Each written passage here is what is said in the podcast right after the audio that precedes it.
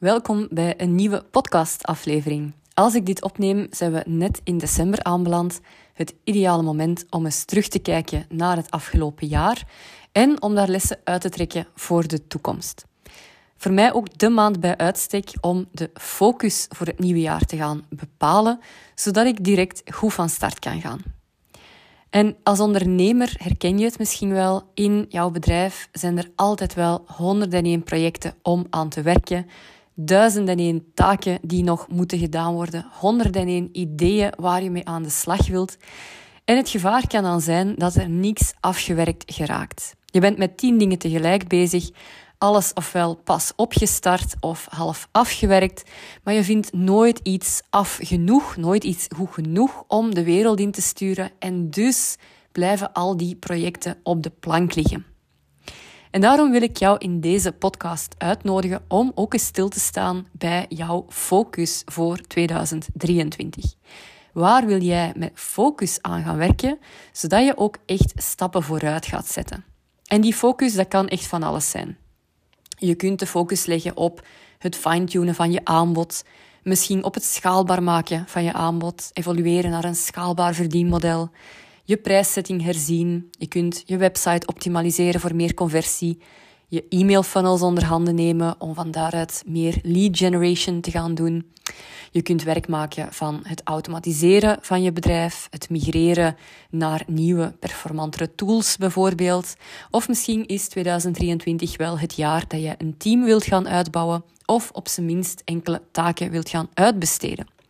Je kunt samenwerkingen aangaan of een podcast starten, je blog nieuw leven inblazen, beter zicht krijgen op je financiële data, Noem maar op, er zijn ja, inderdaad duizend en één dingen waar je je focus op kunt leggen. Dan gaat het er natuurlijk om om te bepalen waar jij nog het meeste winst kunt behalen. Wat is voor jou, voor jouw bedrijf, hetgene dat het meest focus kan gebruiken? Voor mij is dat mijn positionering. Ik heb de laatste maanden gemerkt dat ik alleen maar gelukkig ben in mijn coachingbusiness als ik met de juiste klanten kan werken intelligente, ambitieuze onderneemsters die vastberaden zijn van hun bedrijf een succes te maken en die daar met plezier en toewijding aan willen werken, samen met mij. Ik heb ook gemerkt wat een bron van ergernis en frustratie het is, en waarschijnlijk aan beide kanten, als ik werk met de klanten die voor mij niet de juiste zijn. Mensen die ik niet goed kon helpen, wiens attitude mij niet helemaal aanstond, mensen die negatief in ons coachingtraject stonden, uh, die geen verantwoordelijkheid namen voor hun eigen daden. Um, gelukkig waren zij in aantal heel beperkt.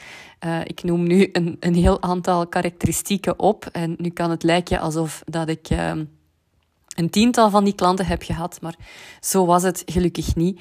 Uh, de karakteristieken die ik opnoem, die waren eigenlijk verzameld in een zeer klein aantal personen.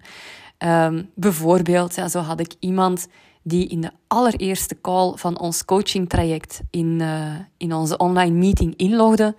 En uh, ook al zag ze dat ik ook in de call was en waren we de enige twee in de call, toch bleef ze verder typen en op mijn begroeting antwoordde ze dan: Ja, ik ben nog een paar facturen aan het maken.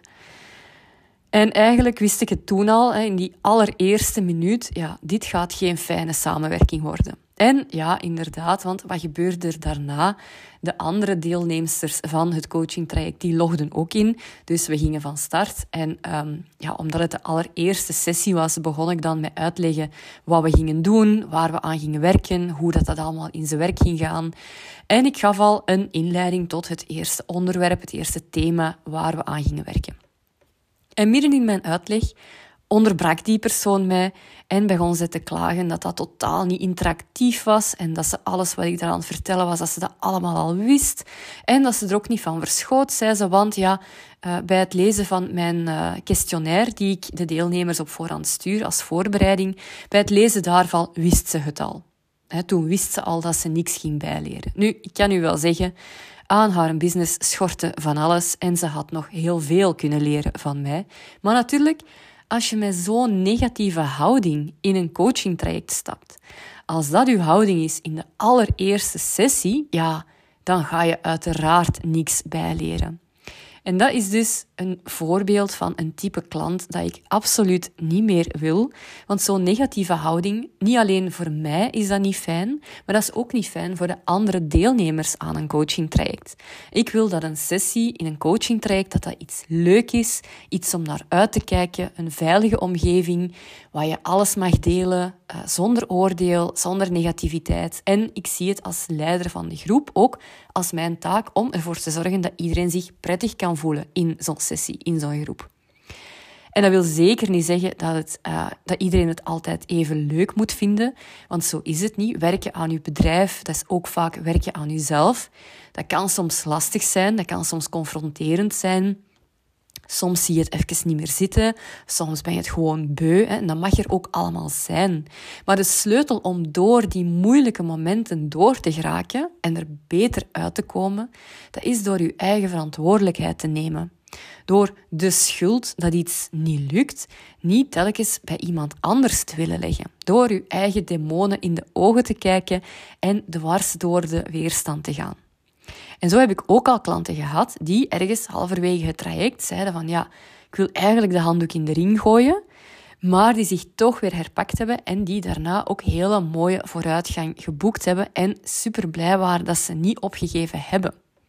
Dus het hoeft bij mij zeker altijd, uh, niet altijd de goed nieuws show te zijn, maar ik wil wel heel graag klanten die met open geest en met commitment erin staan. Dus dat was mijn voorbeeld van een samenwerking die niet zo fijn verlopen is. Um, als jij dienstverlenend ondernemer bent of je verkoopt producten en je hebt rechtstreeks contact met klanten, dan heb jij vast ook zo'n voorbeelden. Er zijn vast wel een aantal klanten die je te binnen schieten, die je eigenlijk liever zag gaan dan komen. Of misschien heb je momenteel wel zo'n klanten waarvan je zegt, ah, ik zal blij zijn als die niet meer in mijn agenda staan. Klanten die u niet naar waarde schatten, die uw tijd niet met respect behandelen, die niet komen opdagen voor afspraken of die altijd last minute willen verzetten, bijvoorbeeld. Klanten die moeilijk doen over uw prijs, die vinden dat je te duur bent, die altijd meer willen dan wat je overeengekomen was, die nooit tevreden zijn, ook al deed jij je uiterste best om het hen naar de zin te maken. En anderzijds ben ik zeker dat je ook al klanten hebt gehad waar het wel direct mee klikte, waar je echt een super samenwerking mee hebt gehad, die helemaal bij jou paste. En hoe tof zou het zijn als je dat type klant altijd zou weten aan te trekken. Nu, altijd is veel gezegd, want tot op zekere hoogte horen mindere klantenervaringen er nu eenmaal bij. Je gaat nooit alleen maar tevreden, blije, toffe klanten hebben. Er gaat altijd een percentage klanten zijn die niet tevreden zijn of die geen goede resultaten behalen, die gaan slecht spreken over u, die klagen of die gewoon verdwijnen, die een traject aangaan en dan opeens van de radar verdwijnen. Dat hoort er allemaal bij. En ik heb soms de indruk dat dat het laatste taboe is. Ik hoor heel veel over real talk de laatste tijd en we moeten allemaal onze struggles delen. En dan wordt er wel eens uh, geweend op camera en dat op, op Instagram gegooid en allemaal niks mis mee. Maar waar ik nooit iemand over hoor spreken, dat is over klanten die niet tevreden waren of klanten die geen goede resultaten behaald hebben. En als we het dan toch hebben over real talk, ja, dan vind ik dat dat er ook bij hoort. Want wat is het gevaar als niemand daar ooit over spreekt? Wel, als iemand dan start als ondernemer en de eerste keer dat hij te maken krijgt met een ontevreden klant, gaat hij zoiets hebben van: oh nee, ik ben abnormaal, ik heb hier een ontevreden klant. Dat gebeurt bij niemand anders, want iedereen deelt alleen maar succesverhalen van zijn klanten en, en heel positieve reviews en, en heel, heel toffe feedback. En nu heb ik een ontevreden klant. En zo is het helemaal niet. Iedereen heeft ontevreden klanten.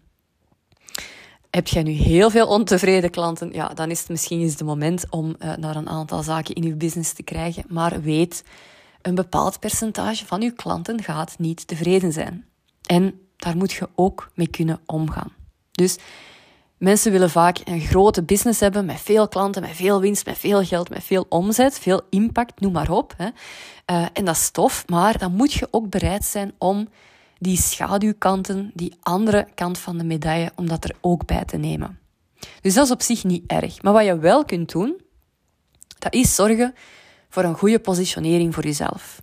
En op die manier de juiste klanten aantrekken en de klanten die niet juist zijn voor jou afstoten. Dus de klanten die, uh, waar jij blij van wordt en die blij worden van jou, die ga je ja, als een magneet willen aantrekken. En dat kan op heel veel manieren. Belangrijk vind ik dat jouw persoonlijk merk, jouw personal brand, dat dat sterk staat. Dat je weet wat jouw meerwaarde is, dat je weet voor wie dat je er wilt zijn dat je je boodschap sterk in de wereld terug te zetten, ook al heb je een mening die afwijkt van de mainstream, ook al krijg je regelmatig eens hate mail of negatieve commentaar van mensen die het beter denken te weten, jij hebt jouw visie, jouw boodschap en die wil je gaan verspreiden. En alleen als je dat doet, ga je die klanten aantrekken die juist zijn voor jou. En de klanten die niet juist zijn voor jou, die ga je vanzelf afstoten. En dat wil ook zeggen dat je durft te gaan staan voor jouw waarde. Dat je geen bullshit pikt van niemand.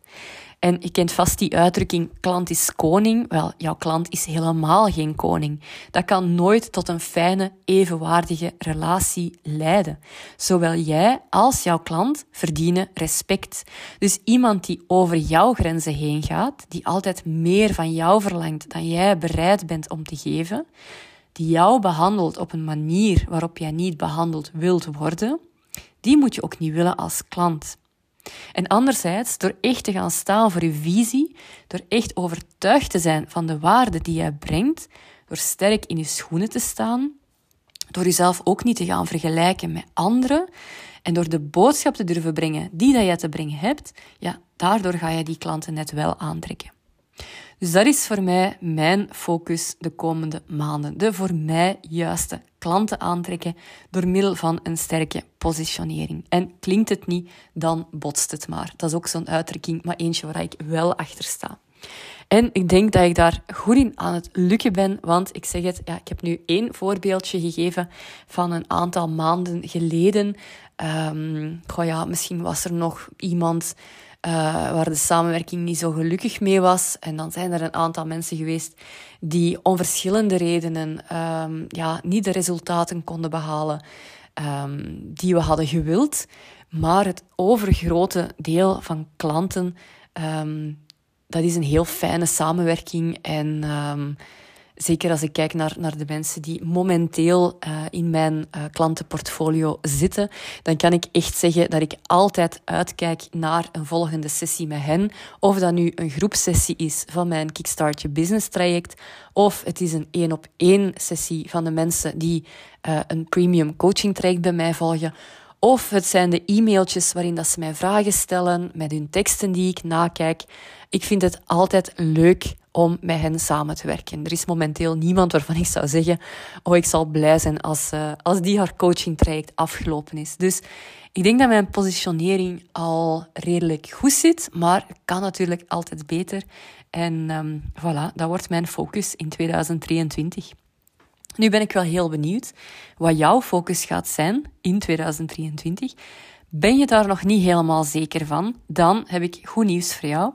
Want op 14, 15 en 16 december organiseer ik een driedaagse challenge waarin ik jou ga helpen die focus te bepalen. We gaan elke ochtend starten met een training om half tien. Kun je daar niet bij zijn, geen probleem, krijg je ook een opname van. Er is een werkboek met opdrachten, zodat je echt kunt nadenken over wat nu van belang is voor jouw bedrijf en dat je die inzichten ook direct kunt gaan implementeren.